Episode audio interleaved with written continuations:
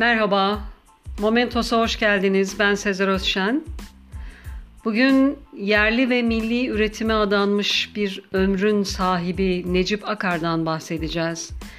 1904 yılında Nizip'te doğan Necip Akar, 5 yaşında ailesiyle birlikte İstanbul'a gelmiştir.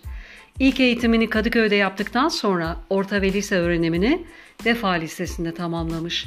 1924 yılında da Eczacılık Okulu'ndan mezun olmuştur. Necip Akar, Eczacılık Okulu'ndayken divan yolunda Necip Özgül'ün eczanesinde çalışmaya başlar. Eczacılık Okulu'nda teorik bilgiler öğrenirken çalıştığı eczanede krem ve diş macunu yapımı konusunda pratik bilgiler edinir. Eczacılık okulundan mezun olup askerlik görevini yaptıktan sonra 6 ay kadar Ankara'da Eczacı Hüsnü Bey'in eczanesinde çalışan ve burada da bazı bilgiler elde eden Necip Akar, ağabeyi Cemil Akar'la ortak olarak ilk önce şampuan Cemil, Necip Bey kremi, Necip diş macunu gibi karışımları üretmeye başlamışlardır. Necip Akar aslında Osmanlı son kişilerinden olup Cumhuriyet döneminde ilk girişimcilerindendir.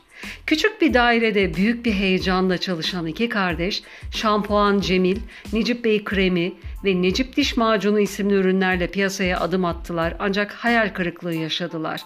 Türkiye'de alınan ilk yerli patent ürünü eczacı Necip Akar'ın kendi adıyla ürettiği Necip diş macunu ürünüdür.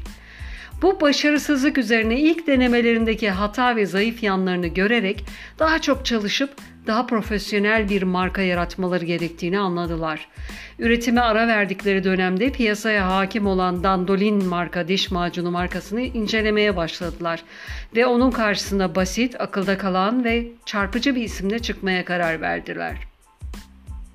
O günlerde yeni yaygınlaşan ve büyük ilgi gören radyodan esinlenen Akar, radyo sözünün sonuna lin ekleyerek radyolin ismini buldu. Ardından Necip Bey kreminin üretimini durdurup Necip diş macununun formülünü değiştirilmiş, bilimsel ve daha ideal bir formül hazırlanmış. 28 Temmuz 1927'de ruhsatname alarak Radyolin adıyla yeni bir diş macunu imalatına başlamıştır.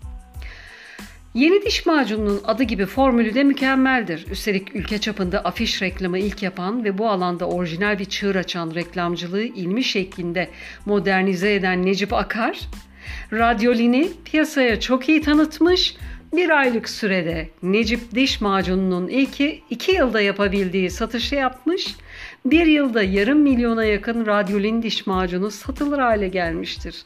Türkiye'de adına İspanyol gribi denen ciddi bir grip salgını vardır. Baş ağrısından diş ağrısına, soğuk algınlığından nezle ve romatizmaya, yüksek ateşten vücut ağrılarına kadar her derde iyi gelecek ilacın formülü 3 yıl içinde ortaya çıkaran iki kardeş ilk diş macunu denemesinde marka isminin önemini kavrayıp vurucu bir isim aradılar. O günler ağrı kesici alanında dünya markası olan aspirinin in ekini alıp herkesi canından bezdiren grip sözcüğünün arkasına eklediler. 1935'te ruhsatı alınan gripin piyasaya çıkar çıkmaz satış rekoru kırınca bu başarı sayesinde Gripin fabrikasının kurulmasına geçildi. Gripin kısa sürede neredeyse ulusal bir ilaç haline geldi. Hatta bir gripin al bir şeyin kalmaz tümcesi halk arasında kendiliğinden doğup kulaktan kulağa yayıldı. Gripin'in tanıtım kampanyaları ve kutusu da kendisi kadar ilgi gördü. Gripin şeklinde duvar kağıtları ses getirirken kutusunun üzerindeki kadın resmi de meşhur oldu. 1950 yılında ağabey Cemil Bey ile radyolini ona bırakıp yolları ayrılan Necip Akar, Puro sabunu ve Fay temizlik tozu gibi ürünlerle de büyük bir başarı elde etmiştir. Puro efsanesinin doğmasında da yaratıcılığını göstermiştir. Türkiye'de ilk kez uygulanan uçaktan özendirme atma yöntemi Puro sabun satışlarını arttırmış, İstanbul semalarından yağan sabunlar hakkında çok konuşulmuştur. Necip Akar'ın ilkleri bununla da sınırlı değildi. Türkiye'nin ilk yerli çocuk maması Paro, temizlik tozu ve kan sulandırıcı Opon da onun imzasını taşıyordu. 1957 yılında arkadaşlarıyla birlikte çıktığı Boğaz gezisinde teknesinin motorları bozuldu. Terslikler birbirini izledi. Yardıma gelen balıkçı teknesi ve motorun çarpışmasıyla Akar'ın arkadaşlarından biri denize düştü. Yüzme bilmeyen arkadaşını kurtarmak için denize atlayan Akar akıntıya kapıldı ve 53 yaşında geride Gripin gibi ticari bir marka olmaktan öte kültür ikonu olmuş bir değer bırakarak hayatını kaybetti.''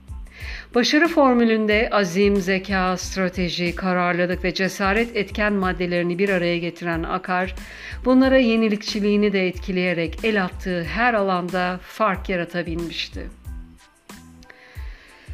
Evet, gripini bilmeyen yoktur o da. Pro, Fay, bunlar için belki biraz yaş almak, almış olmak gerekir diye düşünüyorum. Ama hayatını böyle kaybettiğini açıkçası bilmiyordum. Rahmet olsun canına ve gripin hala kullanılmakta. Her gripin alanda sanıyorum onun adını bir şekilde anmış oluyor. Bu alıntı Mümin Sekman'ın İnsan İsterse adlı kitabından alınmıştır. Dinlediğiniz için teşekkürler. Hoşça kalın. Momentos'la kalın.